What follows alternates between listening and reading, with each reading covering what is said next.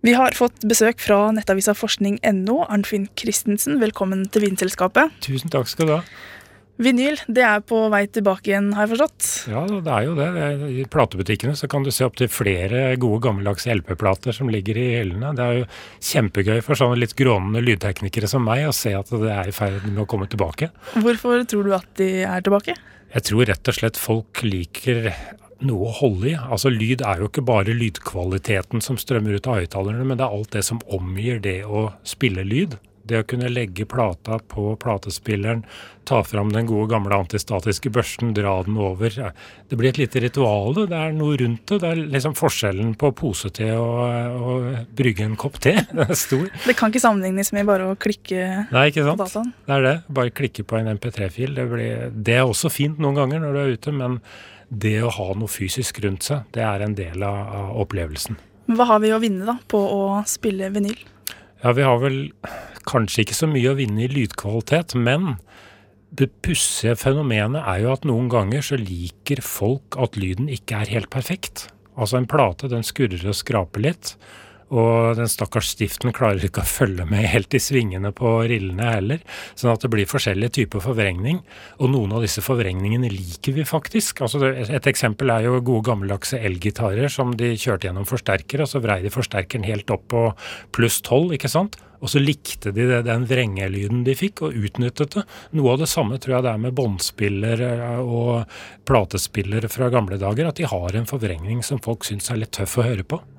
Som man ikke får så godt fram ved digital lyd? Nei, altså digital forvrengning. den er ikke så musikalsk. Den, den låter veldig stygt. For det er helt andre måter det forvrenger på som ikke har noe slags harmonisk forhold til lyden, rett og slett. Altså, du kan kalle det harmonisk forvrengning. Ikke all platespillerforvrengning er like pen, men noe av det kan ha sin sjarm. Ja, Hvis man gjør det på rett, Ja. rett vis. Ja, ja, ja, ja, ikke sant. Og hvis du liker det. Det er jo noe med tilvenning også.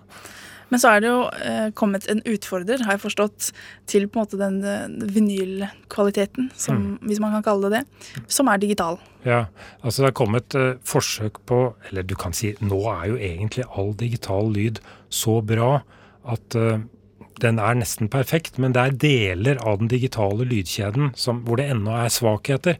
Og en av dem er det som kalles eh, digital til analog omformeren, eller konverteren, DAC-en som den kalles på kort.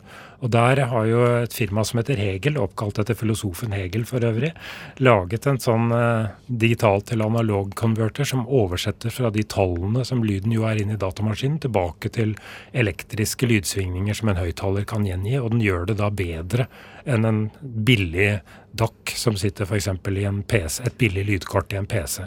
Fordi egentlig så er det, det er DAC i alle sånn digital type Ja, du må ha det for i det hele tatt. For øret ditt kan ikke høre på tall. Må, tall. Hvis du slynger tall mot øret ditt, så blir det ingen effekt. Du er nødt til å gjøre det tilbake til en eh, lydsvingninger i luft, og, og det, det må du ha en sånn DAC som er inne i bildet der, da.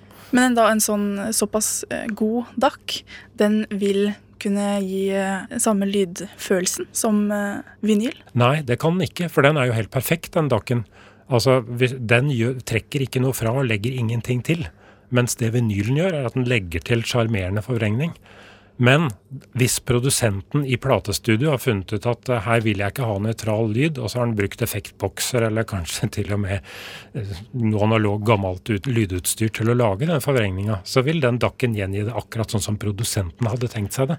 Og det er vel poenget med den at eh, digital forvrengning låter stygt, sånn at det du eventuelt vil ha av forvrengning i en MP3-lydfil eller noe annet digitalt, det er det som produsenten har bestemt at du skal ha.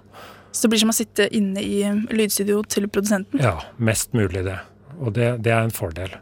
Digital lyd låter fælt, altså. Hvis du har hørt det, så Ja, de første digitale lydsystemene, de var eh, åtte-bits, som det het. da, Og sånn digital støy, det lød som sånn der ekkel, stygg snerring. Det var ikke noe å strakte etter.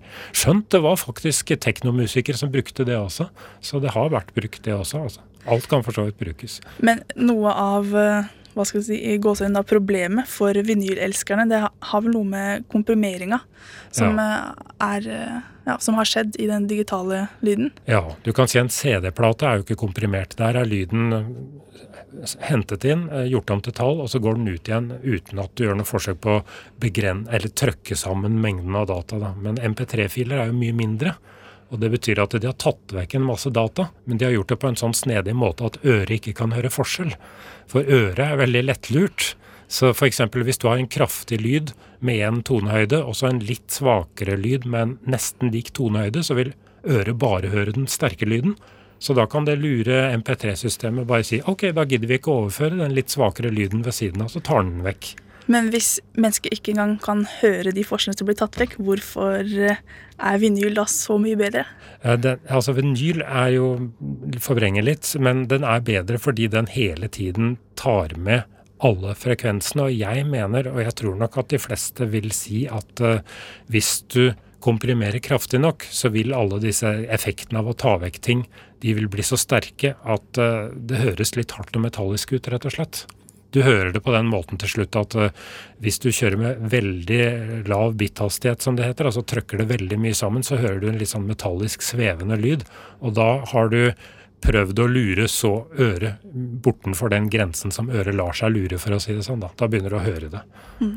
Men høye bitrater, altså 192 kilobit per sekund og sånn, sånn som du har på de beste DAB-sendingene, altså den digitale radioen, det er veldig bra. Der, der tror jeg ikke, iallfall ikke en sånn gammel grånende lydhode som meg, kan ikke høre forskjell. Kanskje du kan, du er yngre enn meg. Men, men eh, vil du si at du sverger til vinyl? Eh, nei, jeg gjør ikke det. Jeg sverger til de aller beste digitale lydformatene. Eh, femkanals eh, lyd på Blu-ray, det syns jeg er helt suverent. Det er det beste for meg. Takk for besøket, Alfinn Christensen fra forskning.no.